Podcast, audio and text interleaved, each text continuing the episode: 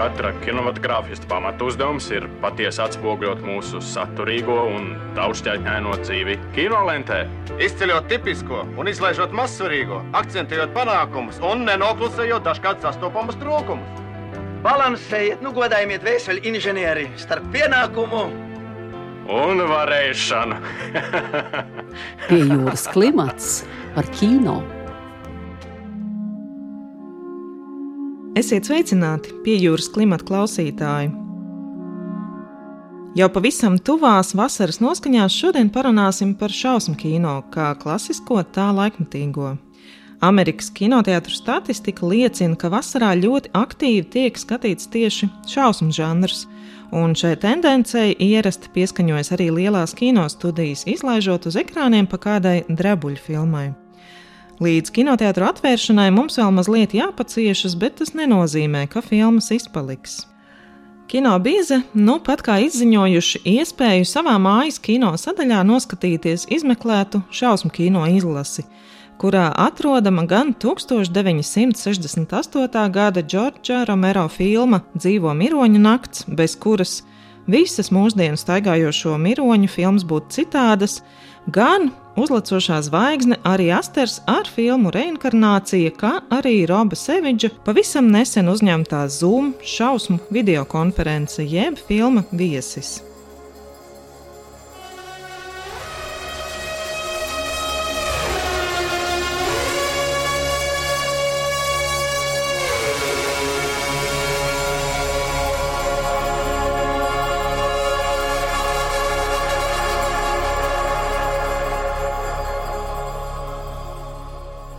Par ko šobrīd vēsta bailenes un kādas izskatās 2020. gada šausmas, plašāk stāstīs kinokritiķe Agnese Lipska.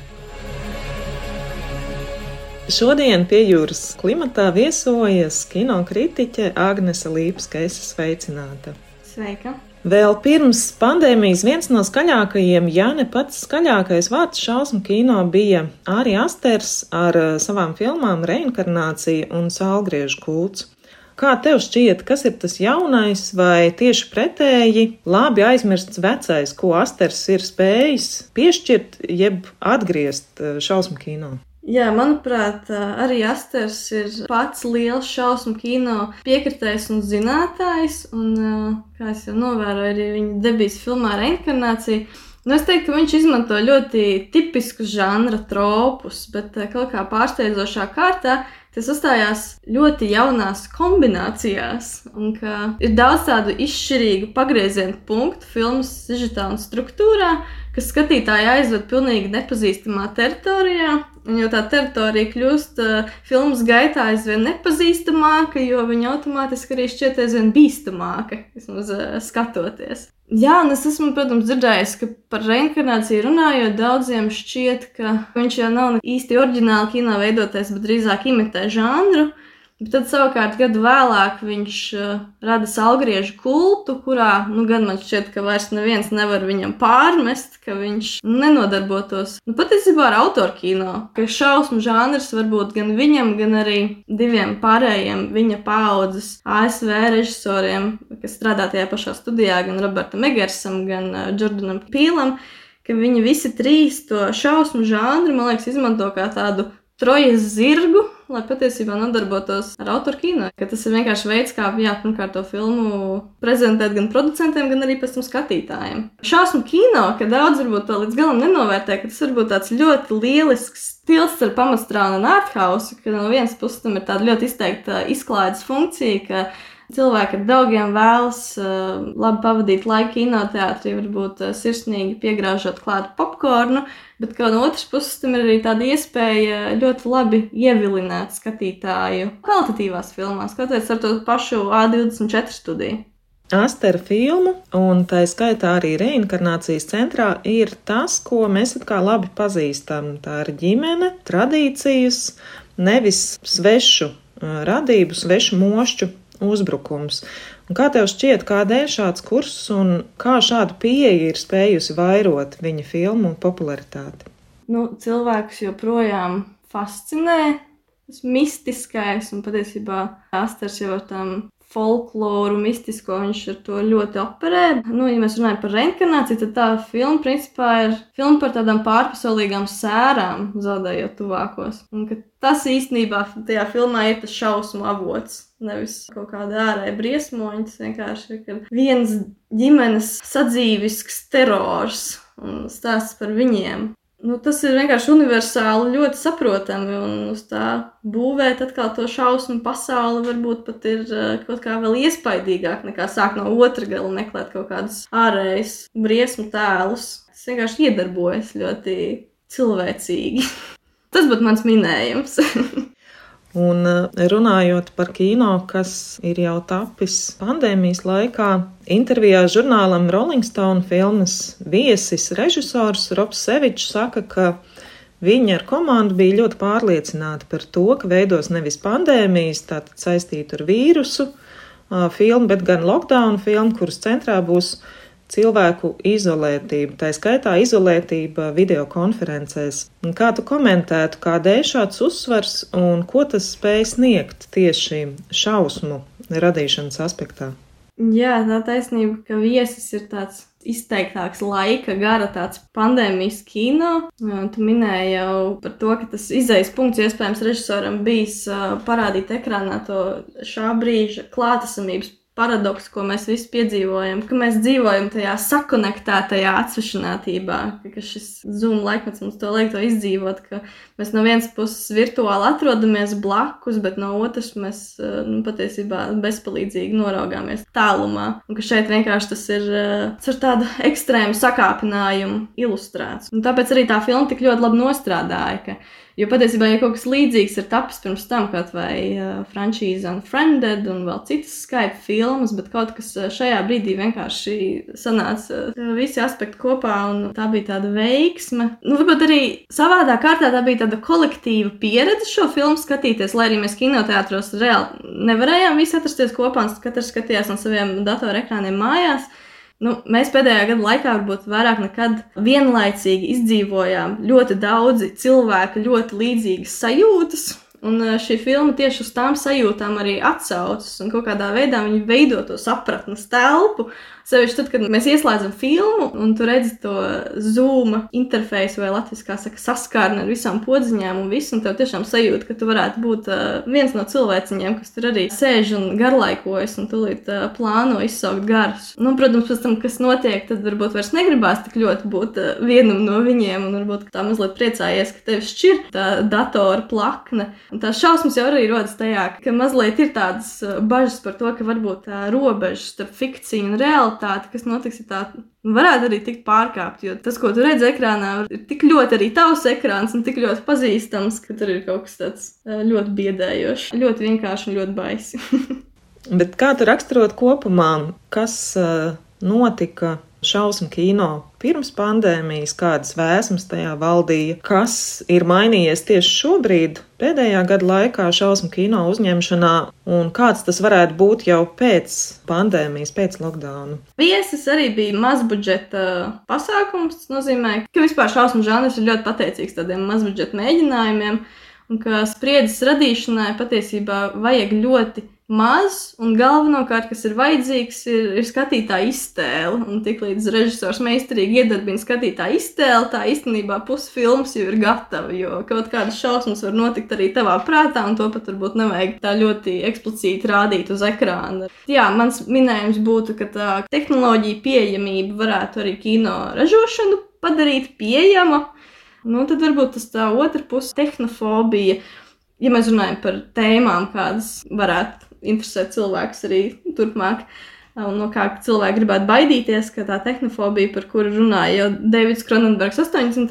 gados, ležot klajā savu filmu video drāmas, viņš teica, ka tehnoloģijas ir mūsu apziņas turpinājums. Nu, tagad tā frāze izskan jo desmitkārt vēl akūtāk un aktuālāk. Sevišķi pandēmijas laikā, kad tas internets ir kļuvis par tādu mūsu dzīvību uzturošu mašīnu, kurā mēs mēģinām kaut kā turpināt savu sociālo eksistenci. Nu, pat mēs dzirdējām sarunu ar Agnesu Lipsku, bet raidījuma turpinājumā veiksim atskatu uz pagājušā gadsimta 60. gadu nogali, kad Eiropā vējoja franču jaunā viļņa noskaņas, bet Amerikas kino valdīja pavisam cita rosība. Tur modās miroņi. 1968. gadā uz ekrāniem iznāca Džordža Romero dzīvo miroņu nakts.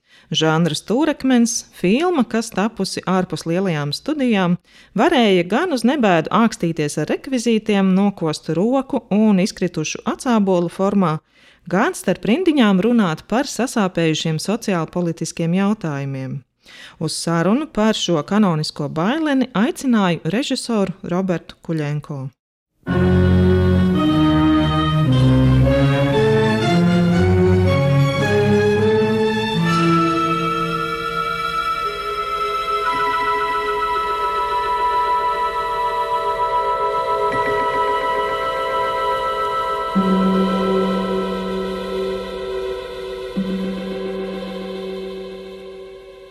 Šodien pie jūras klimatā viesojas reklāmas režisors Roberts Kuļenko. Labdien! Čau! Pirmie zombiji kino parādījās jau pagājušā gadsimta 30. gados, tomēr tieši Džordža Romero debija filmā Dzīvo miroņa nakts ir kā etalons jau gadu desmitiem. Un tā tad filmā ir redzami visi elementi, ko mēs šobrīd atpazīstam kā žanra klasiku. Tā ir nomaļa lauku māja, pagrabs, aizneglot logi, konflikts nelielā kolektīvā. Vai tam laikam Romero filma bija inovatīva? Jā, es domāju, ka noteikti varbūt jāsāk ar to, kas vispār Džordžs Romero ir un kā viņš to filmu uztaisīja. Un viņš ir uztaisījis diezgan daudz filmas, bet pakāpeniski kļūstot gan par tādu kultu režisoru, gan arī nedaudz vairāk. Un viņš viens no retiem, kas nekad nepārdevās Holivudā vismaz. Viņam bija viena tāda uh, filma, liekas, ko ir finansējusi liela studija, bet pārsvarā viņš savā Pitsburgā, ja nemaldos, ar saviem draugiem taisīja mazbudžeta filmas, do it yourself stilā. Un tas, ka mēs joprojām par to filmu runājam, man ir aizdoms, ka jau 68. gadā viņi tā kā šokēja. Skatīsimies kaut uz to, ka tā filma ir tā piežmiedz acis un skaties. Mēs nevaram teikt, ka tur baigi, baigi, baigi super labā aktieru spēle vai Romero tur kompozīcijas izjūta. Viņa noteikti nav amatieriska filma, bet viņai ir kaut kādi elementi, ko mēs bieži redzam jauniešu filmās, kaut kāda neliela paviršība, kaut kas nesakrīt, vēl kaut kas, bet viņa inovatīva. Tie paši zombiji. Tu pieminēji, ka Holivuda mums druskuļi spēlējās parādījās, bet tie bija pilnīgi citi zombiji. Tie bija saistīti ar um, vudu un tā tālāk. Un šeit viņš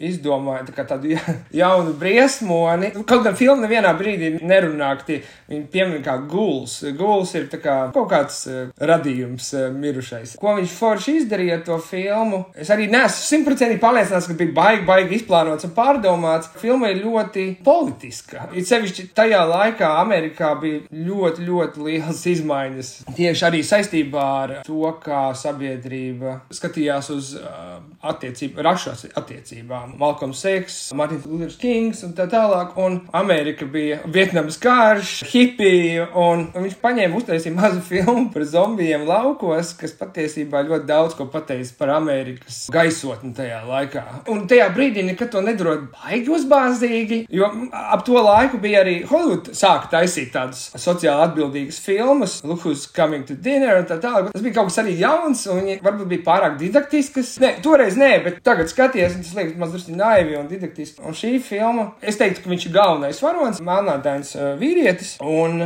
un tur ir viens brīdis, kad ārā ir tie zombiji, un tajā pamestajā mājā ir balta sieviete un melnādains vīrietis. Un viņi ir tajā šoka stāvoklī, jo viņas brālis ir tik, tikko miris, bet viņi arī skatās uz viņu ar tādu šoku, ar bailēm. Un tur ir tās spēle, vai viņi baidās par tiem zombijiem, vai viņi baidās par to, ka viņi ir vienatnē ar, ar melnādainu vīrieti, kas tajā laikā Amerikā gan izvēl nu, nepieņemama lieta. Nu, viņš ar tādām lietām spēlējās, bet nekad īsti nemoralizē un nepasaka, ha, re, kur ir, re, kur jūs amerikāņi, kādi jūs esat. Starp citu, viens no pirmajiem kadriem filmā, kur brauc tā māsa brālta mašīna, un tad viens tāds kadrs, un kadra vidū ir amerikāņu karoks. Reku, es pastāstīšu, ko es domāju par Ameriku. Un, un protams, nu, fināls, par kuru mēs nerunāsim, kurš arī ir nihilistiski cinisks uh, tieši par to, kā viņš jutās par Ameriku. Inovatīvi, jā, tāpēc, ka viņš, nu, tā kā pakutināja nervu. Manuprāt, joprojām tā filma ļoti labi strādā, cik viņa ir klaustrofobiska. Viņš ļoti bieži tos aktierus filmē ar tādu platlēņu objektīvu, ļoti piebāžot klāt.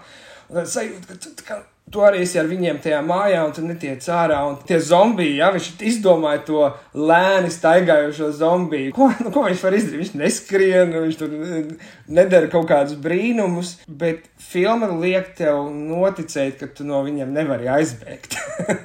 Mēs pēc tam vēl viņa paša filmas redzējām vairākas, bet arī citi režisori gan taisīja šausmu komēdijas, kā Shaun of the Dead un miljonu zombiju filmas, un viņas visas ir iespaidojušās no Romero Night of the Living Dead, nevis tur kaut kāda white zombie, kas bija uztaisīta 43. gadā. Kad vēlāk bija filma 28 Days Later, kur zombiji bija baigā ātrie tādā.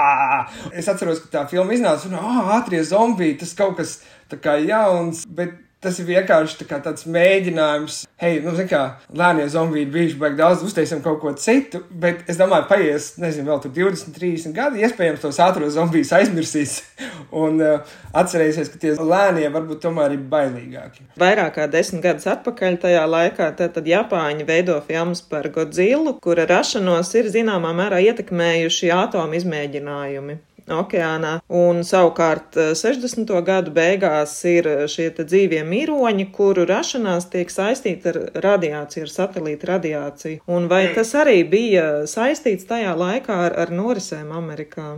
Es pirmo reizi klausījos, ko tur fonā runā par to radiāciju. Kaut gan es filmu pirms tam biju redzējis kādas divas, trīs reizes. Es eh, varbūt toreiz bez, nezinu, bez subtitriem skatījos vai kaut kā tā, un es to palaidu garām. Man pat nebija īsti līdz galam svarīgi, kāpēc tie zombiji ir. Tagad es to, jā, es dzirdēju par kosmosu un par radiāciju un kaut kādu satelītu. Jā, iespējams, bet es domāju, nu, tas nekad nav tā kā ilgtermiņā rezonējis. Neviens nerunā par Night of the Living Dead par radiāciju. Es, es neesmu nekad dzirdējis, kāds būtu par to runājis. Mana asociācija bija tas, ka Džordžs Romero, es pieņemu, ka viņš bija jaunietis 50. gados, kad Amerikā bija tas bums ar tām lētajām B kategorijas filmām par radiāciju, jo toreiz bija tās bailes par atomkaru, un tad bija tās filmas par milzīgiem radioaktīviem zirnekļiem, un, un tad bija visādi kaut kādi dīvaini, tur nezinu, ko citlaitieši radījumi kaut kādi no Marsa, un tas viss, tas tā kā iebiedē to saucamo nuclear family, ja, kas dzīvo piepilsētas rajonos, viņus vajag pabaidīt nogaidīt ik pa laikam. Līdz brīdim, kad parādās tas pirmais zombijs, tev mazliet druskuļi sajūta, ka tu skaties 50. gadu to B kategorijas šausmeni. Varbūt tā ir kaut kāda atsauce uz tām filmām par to radiāciju.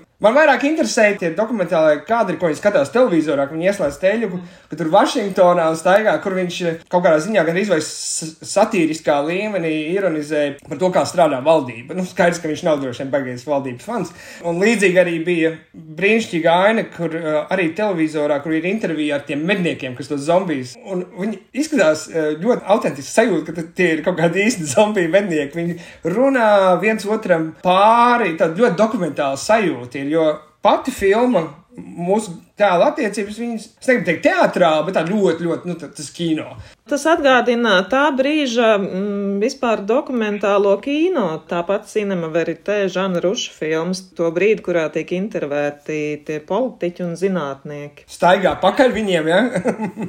tā ir, un, un tāpat arī viņš interesanti uh, izmanto rastru bildēji tieši beigās, kad tās ir kā avīžu fotogrāfijas, uh, tās epizodes, kurā notiek izrēķināšanās ar dzīvajiem miroņiem.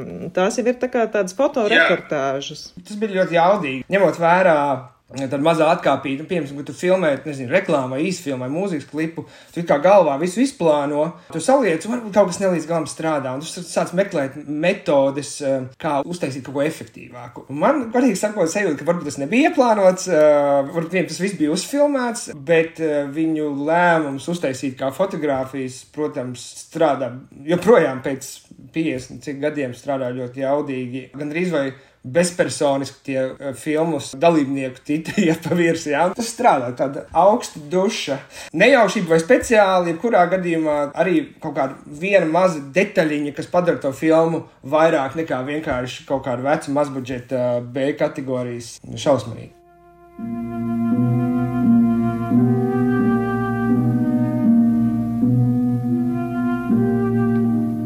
Par dzīvo miroņu nakti stāstīja Roberts Kuļenko. Raidījumā skanēja fragments no Kolina Stetsona kompozīcijas filmai Reinkarnācija, kā arī mūzika no filmas Dzīvo miroņu nakts skaņu celiņa. Pie jūras klimatu vadīja Sonora Broka un Monteja Judīta Bērziņa. Raidījums tapis ar valsts kultūra kapitāla fonda atbalstu.